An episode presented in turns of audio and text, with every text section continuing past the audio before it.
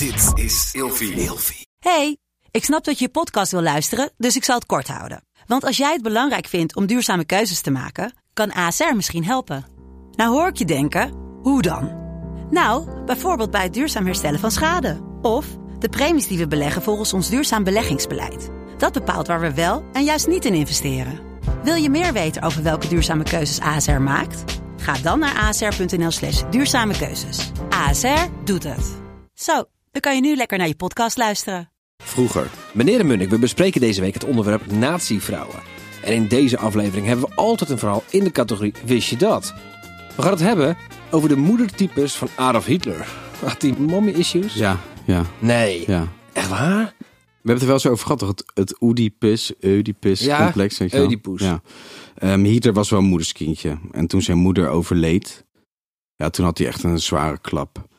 Ehm, Hitler heeft altijd een soort van beschermvrouwen gehad. Vrouwen van oudere leeftijd die zich over hem wilden ontfermen. Hem ook sponsorden. Het waren rijke vrouwen. Van die soort van ja, society dames. En dat deed hij dan niet mee? Ja, dat weten we niet. Oké. Dus hij had jongere vrouwen waar hij het mee deed, minnaressen. En oudere vrouwen, rijke vrouwen, Die hem sponsorden. zijn mammies. Ja, ja, een soort sugar mummies. Hoe noemen ze dat? Wauw. Ja, sugar, Ja, vrouwen. denk het. sugar vrouwen. Sugar mammies. Ja. Ehm, deze vrouwen waren heel rijk. Maar echt, echt steenrijk. En die eh, zagen wat in het antisemitisme hè, tegen de Joden. Ze zagen wat in het fascisme en het nazisme. Maar ze vonden Hitler dus ook ja, aantrekkelijk.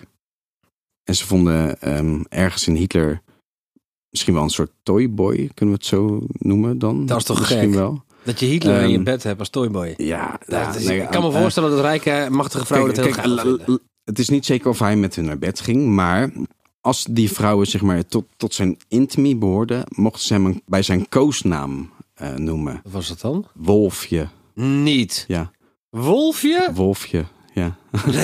ja serieus. ja, ja. Als, als Hitler Wolf, zeg maar, wolf, zich, zich vertrouwde, of ja, Denk vertrouwd voelde bij Duits, hem. weet je wel. Wolfje, ja, Wolfje, kom hier, ja, Ja. Gadverdamme. Nou ja, goed, als hij dat leuk vond, is dat echt rillingen van. Maar ehm, hij wist het dus zo te spelen, denk ik, dat hij dus die vrouwen ehm, voor zich won.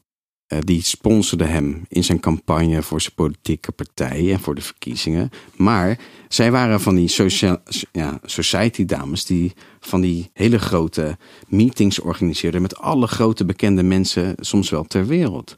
Dus hij kwam, had een, had een podium. Hij kon via die vrouwen kon hij zijn gedachtegoed gaan verspreiden. Maar dit was dus eigenlijk voordat hij vuur Ja, was. ja, in de jaren dertig. Ja. En eh, er waren vrouwen in Engeland zelfs. Er waren eh, Duitse vrouwen, zelfs van de familie Wagner, van de, van de componist. Maar Hitler was daar gek van. En die was dus trots ook dat de familie Wagner hem een soort adopteerde. Maar zij gaven dus eh, ja, van die soirées, hè, waar iedereen bij elkaar komt in gala. En Hitler kreeg dan een mooi pak aangemeten. En er werd etiket aangeleerd. was natuurlijk gewoon boerenlul. Van. Ja, het was natuurlijk gewoon boerenlul die niet eens hoe het hoorde. hè. Maar ehm, ja, ja, dat ja. Uh, Bruno am in kwam die vandaan. Maar ehm, wat er dus eigenlijk gebeurde was dus dat er verschillende vrouwen eigenlijk heel erg verliefd op hem werden. En hem dus eh, een soort van geld gaven en sponsorden. Eh, en ja, eigenlijk tot de dood met hem meegingen. Want een van die vrouwen was de vrouw van Goebbels, Magda Goebbels. En die was helemaal gek van Hitler. En eh, die heeft zelfs haar kinderen vergiftigd. Want zij wilde niet dat, dat een hele gezin zou leven in een wereld zonder het nazisme. Kwam ze uit Leiden toevallig. Haha, goeie mie. Tot morgen. Vroeger.